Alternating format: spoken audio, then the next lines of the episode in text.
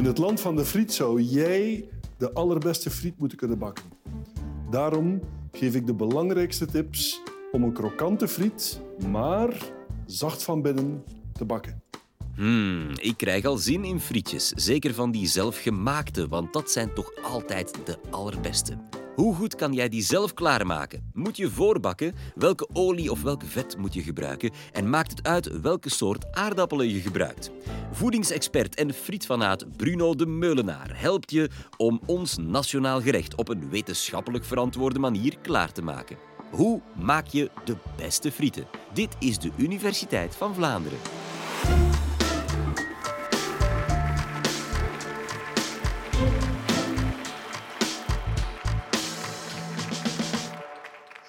Het is een vorm van koken en koken is chemie. Ja, als je kookt, voer je eigenlijk kleine chemische reactietjes uit in je keuken. En je hoopt natuurlijk dat die reacties lukken en dat het resultaat lekker is. Ik ben professioneel bezig eh, met die chemie te onderzoeken. Ja. En hobbymatig natuurlijk hou ik me daar ook mee bezig thuis. Dat is natuurlijk leuk hè? en lekker vooral achteraf. Hoe maak je frieten? Natuurlijk heb je daar aardappelen voor nodig. Niet zomaar aardappelen, want aardappelen bestaan in alle variëteiten en maten. Uh, je hebt uh, aardappelen voor de versmarkt, laat ons maar zeggen. Hè. Dus uh, aardappelen waar je typisch gekookte aardappelen mee maakt. Je hebt aardappelen waar je chips mee gaat maken. Maar je hebt ook aardappelen waar je frietjes mee maakt. Um, dus als je frietjes zelf wilt maken thuis, dan koop je best frietaardappelen. Dat staat normaal gezien ook op de verpakking. En ik let er ook altijd op dat die frieten, of beter gezegd, dat die aardappelen groot genoeg zijn. Want tegenwoordig is het een beetje moeilijk soms om grote aardappelen te vinden in de supermarkt. Je ziet het hier, hè. dit is een kleintje, dit is een grote. Eigenlijk kan je van zo'n kleine aardappel niet de beste frieten maken. En de reden waarom dat ze moeilijk te vinden zijn in de supermarkt is ook omdat wij een van de grootste producenten zijn in België, of in Vlaanderen eigenlijk zelf, van diepvriesfriet. Dus de grote aardappelen gaan eigenlijk allemaal naar de industrie en de overschot komt terecht in de supermarkt. Goed, we starten dus met die aardappel. We gaan die aardappel schillen. We snijden die op frietjes. En dan gaan we het zetmeel dat aan de oppervlakte van die frietjes zit, spoelen we weg met water. We spoelen ook wat suikers weg. Um, en we gaan tenslotte die aardappel wat afdrogen. Dan gaan we beginnen frituren. Dat frituren gebeurt thuis en ook eigenlijk um, als we industriële diepvriesfriet kopen bijvoorbeeld, gebeurt dat in twee stappen. De eerste stap gebeurt dan in de fabriek en bij ons thuis gaan we de friet eerst gaan voorbakken in een olie bij 160 graden voor een relatief lange tijd. Ja, dat kan gemakkelijk 6, 7, 8 minuten duren.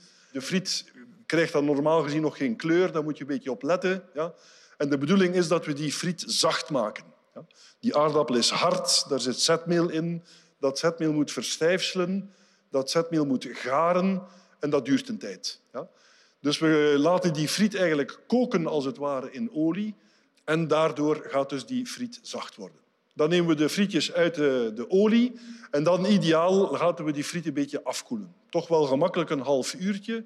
En de bedoeling is eigenlijk dan dat het zetmeel dat we eerst hebben week gemaakt, verstijfseld hebben, dat een deel van dat zetmeel terug hard wordt. Zetmeel kristalliseert. Dat is belangrijk. Waarom? Omdat dan de textuur later van mijn afgebakken friet beter gaat zijn en ik ga ook minder vet opnemen in die friet. Dus nadat die eh, voorgebakken friet is afgekoeld, dan ga ik mijn friet gaan afbakken in hete olie. Ja. Hete olie wil zeggen 170, 180 graden.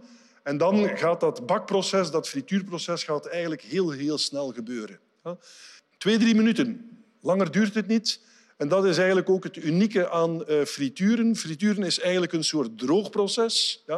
We gaan die friet aan de oppervlakte gaan uitdrogen. En dat gaat heel snel. Waarom? Omdat olie een zeer goed medium is om warmte af te geven naar die friet. Ja? Je kan ook frieten gaan bakken tussen aanleidingstekens in de oven. Dat gebeurt dan met warme lucht. Maar de warmteoverdracht van warme lucht naar die aardappel gaat veel trager. Waardoor als je dus ovenfrieten maakt, je eigenlijk heel veel geduld moet hebben en uh, lang moet wachten voordat dat je frietjes klaar zijn. Ja? Dus het gaat veel sneller in olie. Goed. Nu, omdat je dus uh, die uh, friet in contact brengt uh, met hete olie, krijg je lokaal aan de oppervlakte eigenlijk temperaturen die naar de olietemperatuur gaan gaan. Dus 170, 180 graden Celsius. Terwijl in de kern van die friet ja, blijft de temperatuur beperkt tot net onder de 100 graden, omdat daar heel veel water nog aanwezig is. Water kookt bij 100 graden. Dus daar droogt de friet eigenlijk niet uit, maar je krijgt dus lokaal een uitdroging aan de oppervlakte. En dit maakt van frieten op zich eigenlijk een uniek eh, product. Waarom? Omdat je aan de oppervlakte een krokante structuur krijgt, ja, een korstje. Uh, en binnenin blijft die friet melig, blijft die zacht. Ja. En daardoor krijg je eigenlijk wel een uniek mondgevoel ook als je die friet aan het opeten bent. Die is knapperig van buiten, maar zacht van binnen. Nu, niet alleen die uitdroging is belangrijk aan de oppervlakte, ook de chemie is belangrijk. Waarom? Omdat we dus door die hoge temperaturen aan de oppervlakte ga je daar lokaal bepaalde chemische reacties gaan stimuleren. En die reacties noemen we de Maillard-reactie. Dat is genoemd naar een Franse arts eigenlijk, die die reactie een beetje toevallig heeft ontdekt, meer dan 100 jaar geleden. En de Maillard-reactie kennen we allemaal in de zin van dat is de reactie waarbij onze frietjes en andere levensmiddelen bruin worden. Ik heb hier, eh, voor deze opnames begonnen, heb ik eh, frietjes gebakken. Ja. Dit was de rauwe friet, diepvriesfriet. U ziet, eigenlijk heel bleek van kleur. Terwijl dit was een friet die we eigenlijk veel te lang hebben gebakken. Maar je ziet, die friet ziet goudbruin. Dit is de Maillard-reactie. Die kleurvorming in die friet dit heeft te maken met de reactie tussen suikers en eiwitten. Ja?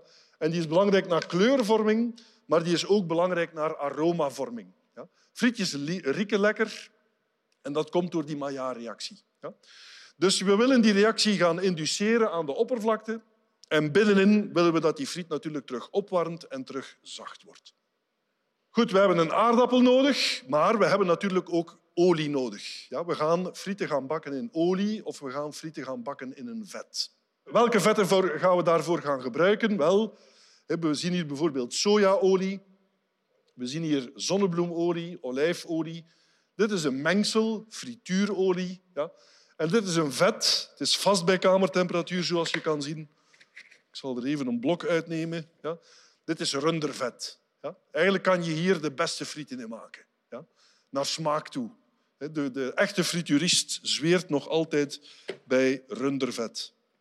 Maar, maar het is niet alleen de smaak die belangrijk is. Ja, als we over vetten spreken, moeten we ook een beetje denken aan de voedingswaarde, aan het effect op onze gezondheid. Ja. En we weten dat vetten dat zij een impact hebben op hart- en vaatziekten. En jammer genoeg zijn het vooral verzadigde vetten die eigenlijk daarvoor verantwoordelijk zijn. Ja. Dus we moeten een beetje rekening houden, enerzijds met de smaak en anderzijds ook met de voedingswaarde. Het is namelijk zo, dus we hebben hier dus die reeks uh, oliën en uh, vetten staan. Ja. Dierlijke vetten, ja, zoals uh, rundervet, zijn vooral verzadigd. Ja. Dat wil zeggen dat er verzadigde vetzuren in zitten. Als we gaan kijken naar een olie zoals olijfolie, ja, dan is dat een olie die vooral rijk is aan uh, vetzuren waarin mono-onverzadigde vetzuren in zitten. Ja? Dit zijn vetzuren met één dubbele binding, noemen we dat. En als we dan naar sojaolie gaan en naar zonnebloemolie, dan hebben we oliën die rijk zijn aan polyonverzadigde vetzuren. Die polyonverzadigde vetzuren gaan ons in regel beschermen tegen hart- en vaatziekten, terwijl dat de mono-onverzadigde vetzuren zijn eerder neutraal. Ja, ze zijn niet negatief, ze zijn ook niet echt positief. En de verzadigde vetzuren die zijn eigenlijk niet zo goed om hart- en vaatziekten te gaan vermijden. Dus met andere woorden, nutritioneel gezien ja, zou je eigenlijk moeten gaan kijken op deze manier. Ja? Dit is niet zo goed en dit is ideaal. Jammer genoeg echter moeten we ook rekening houden wat er gebeurt met die oliën en vetten bij de hoge temperatuur waarbij dat we gaan frituren. 170, 180 graden. Ja. Dit zijn zeer hoge temperaturen voor levensmiddelen. En hoe hoger een temperatuur, hoe sneller chemische reacties beginnen doorgaan. En het zijn vooral die onverzadigde vetzuren die ons een beetje zorgen maken. Waarom? Omdat die polyonverzadigde vetzuren die gaan oxideren. Die reageren met zuurstof. Ja. In het slechtste geval verbranden ze echt. Dan is dat heel gevaarlijk natuurlijk. Hè. Vandaar dat je de temperatuur van een frietketel niet te hoog mag gaan zetten. Ja. Maar dus als die reactie met zuurstof, laten we maar zeggen, rustig doorgaat, ja, dan vormen er zich een aantal oxidatiecomponenten in die olie, ja, waardoor die olie op termijn ranzig wordt. En je kan dat zien. Ja. Ik heb van thuis uh, gebruikte frituurolie meegebracht. Uh, je kan ze jammer genoeg niet rieken van op je plaats. Hè. Maar je riekt ook dat die olie niet meer fris is. Ja. Die, uh, die is ranzig. Er hangt letterlijk een geurtje aan. Terwijl dit is verse olie uit die uh, fles daar. En verse olie is normaal gezien geurloos. Ja. Die wordt geraffineerd en een normale olie die, die geraffineerd is, is geurloos. Nu, die, die geurcomponenten die kunnen hinderlijk zijn. Als je frituurt thuis, dan riek je dat. Uh, als die te hoog in concentratie zijn in het product, dan gaan die slecht beginnen smaken. Ja. Maar die oxidatiecomponenten die zijn eigenlijk ook niet zo gezond voor ons. Ja. Moet naar mee opletten. Als we daar te veel van gaan opeten, dan kunnen we daar eigenlijk op termijn ziek van worden. Dus met andere woorden, naar stabiliteit toe moet ik deze pijl omdraaien. Sojaolie is eigenlijk niet geschikt om in te frituren. Zonnebloemolie is ook niet geschikt om te frituren. Rundervet is ideaal om het te frituren. Dit is een vet dat je heel lang gaat kunnen gebruiken thuis. Ja? En de weg daartussen, die frituurolie, ja, dat is eigenlijk een mengsel. Wat zit hierin? Hier zit zonnebloemenolie in, er zit palmolie in. Palmolie valt dan eigenlijk meer in die categorie van dat rundervet, is eerder verzadigd. Ja? Raapzaadolie zit zo wat in de buurt van uh, olijfolie. Ja? En dan heb je ook hoog oliezuurhoudende zonnebloemolie, wat naar vetzuursamenstelling bijna perfect vergelijkbaar is met olijfolie. Dus je ziet, producenten van frituurolie gaan een beetje het goede en het slechte gaan combineren. Ja? Gaan ervoor zorgen dat je een olie hebt die nutritioneel gezien eigenlijk oké is. Ja? Niet te verzadigd, ook niet te onverzadigd. Ja? Zodanig dat de olie toch voldoende stabiliteit heeft. Ja? Zodanig dat je ze ook een aantal keer kan gaan gebruiken. Ja? Zonder dat je daarmee moet inzetten dat je gezondheid eh, schaadt op termijn. Maar, het is duidelijk, ook deze frituurolie, ondanks het feit dat ze zeer goed is om te frituren, ga je na verloop van tijd gaan moeten verversen. En hoe weet je dat dan, dat je ze moet verversen? Wel, enerzijds de kleur. Die kleur is misschien hier duidelijker. Je ziet dat die kleur veel donkerder is dan een verse olie. Dus als je ziet dat die olie te donker wordt, dan moet je die olie gaan verversen. Als je ziet dat die olie, of gewaar wordt dat die olie te sterk ruikt, dan moet je die olie gaan verversen. Een andere test die je gemakkelijk kan doen, het is hier een beetje moeilijk om te illustreren, maar de stroperigheid van de olie, de viscositeit, neemt toe naarmate de olie meer en meer wordt gebruikt. Ja? Je kan dat eigenlijk het beste zien als de olie nog koud is en je neemt dat mandje uit die frituurpot. Ja? Als je heel lange olieslierten van dat mandje ziet vallen, dan wordt dat eigenlijk tijd dat die olie vervangen wordt. Ja? Een andere eenvoudige test is kijken naar de schuimvorming als je aan het frituren bent. Ja? Het voorbeeld uh, links is vrij extreem, ik geef het toe. Maar je ziet een verschil in schuimvorming. Een heel dens schuim, ja, dit is nooit een goed idee. Ja. Als je dat begint te zien, als je de frietjes aan het bakken bent, als je zo'n heel dens schuim krijgt, dan moet je eigenlijk de, de, olie nadat je ze gebruikt hebt, hè, want ze is warm, laat ze afkoelen en dan gooi je ze direct weg. Ja. Want die olie is echt niet meer geschikt om te gaan gebruiken. Het is ook trouwens gevaarlijk, want als dat sterk schuimt, kan dat beginnen overkoken. En hete olie, dat is echt iets niet dat je op je vingers wil krijgen. Goed. We weten nu welke aardappelen dat we moeten gebruiken. We weten welke olie dat we moeten gebruiken. Hoe gaan we dan in godsnaam finaal die frietjes gaan afbakken? Ja? Ehm, als je diepvriesfrieten thuis gebruikt, ja, wel, die, uh, deze staan hier al een eindje, ze zijn ondertussen ontdooid. Maar normaal gezien hebben die ja, min 10, min 18 als ze uit de diepvries komen. Ze zijn heel koud. Je gaat die in een warme olie gaan brengen. Het is de bedoeling dat die olie liefst zo warm mogelijk blijft. Ja? Dus je gaat die olie instellen op, ik zou zeggen, 175 ideaal. 180 kan ook. Ja? Eh, want natuurlijk, als je die koude frieten erin doet, koelt die olie af. Daarom nooit te veel frieten in die mandje doen. Ja? Twee handjes, niet meer. Waarom? Omdat anders je temperatuur te veel zakt. En dan bij een te lage temperatuur gaat uw friet te veel vet gaan opnemen. Ja? Dus iets hogere temperatuur geeft minder vetopname. Goed. Dan liggen de frietjes in de warme olie. Je krijgt die schuimvorming en je ziet dat de water, dat, of eigenlijk stoom die er begint uit te komen. En dan ga je een beetje moeten wachten. Ja. Op een bepaald moment ga je zien dat die schuimvorming vermindert. Ja. En dan ga je zien ook dat de kleurvorming van die friet wijzigt. Dit was de oorspronkelijke kleur. Dan krijgen we goudgeel. En als je 10 seconden langer, 15 seconden misschien, frituurt, worden die al iets donkerder van kleur. En binnen de 30, 40 seconden krijg je dit. Ja? Dus dat gaat heel, heel snel. Dus je moet daar best bij blijven. Ja? Het beste is dat je de frietjes goudgeel afbakt. Waarom? Wel, ik kom terug naar die Maillard-reactie. Die is belangrijk voor die kleurvorming, belangrijk voor het aroma. Maar jammer genoeg, jammer genoeg treedt tijdens die Maillard-reactie ook een vervelende nevenreactie op, namelijk de vorming van acrylamide. Acrylamide is een eh, chemische naam natuurlijk voor een moleculetje. Dat is jammer genoeg een kankerverwekkende component. Eh, we kennen die component al lang, maar we hebben die eigenlijk nog maar relatief recent ontdekt dat die gevormd wordt in levensmiddelen.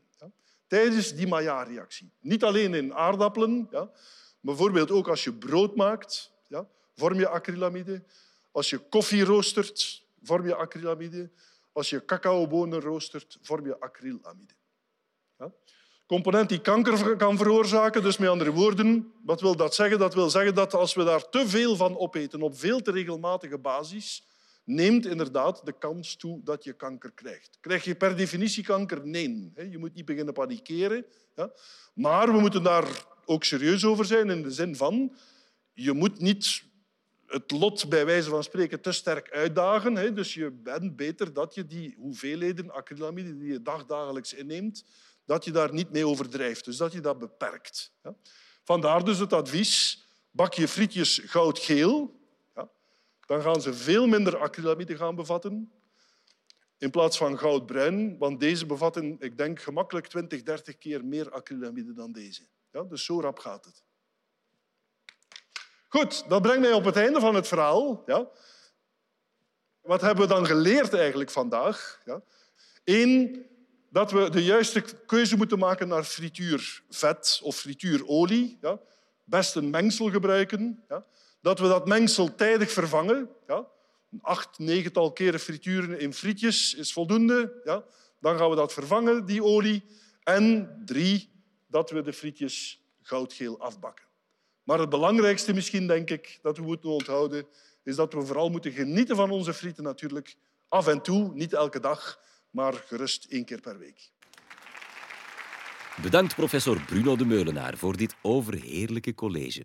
Is je honger nog altijd niet gestild? Kijk dan zeker naar ons videocollege met professor Elisabeth de Walen. Zij heeft het over de voordelen van fastfood eten wanneer je ziek bent. Smakelijk en tot ziens.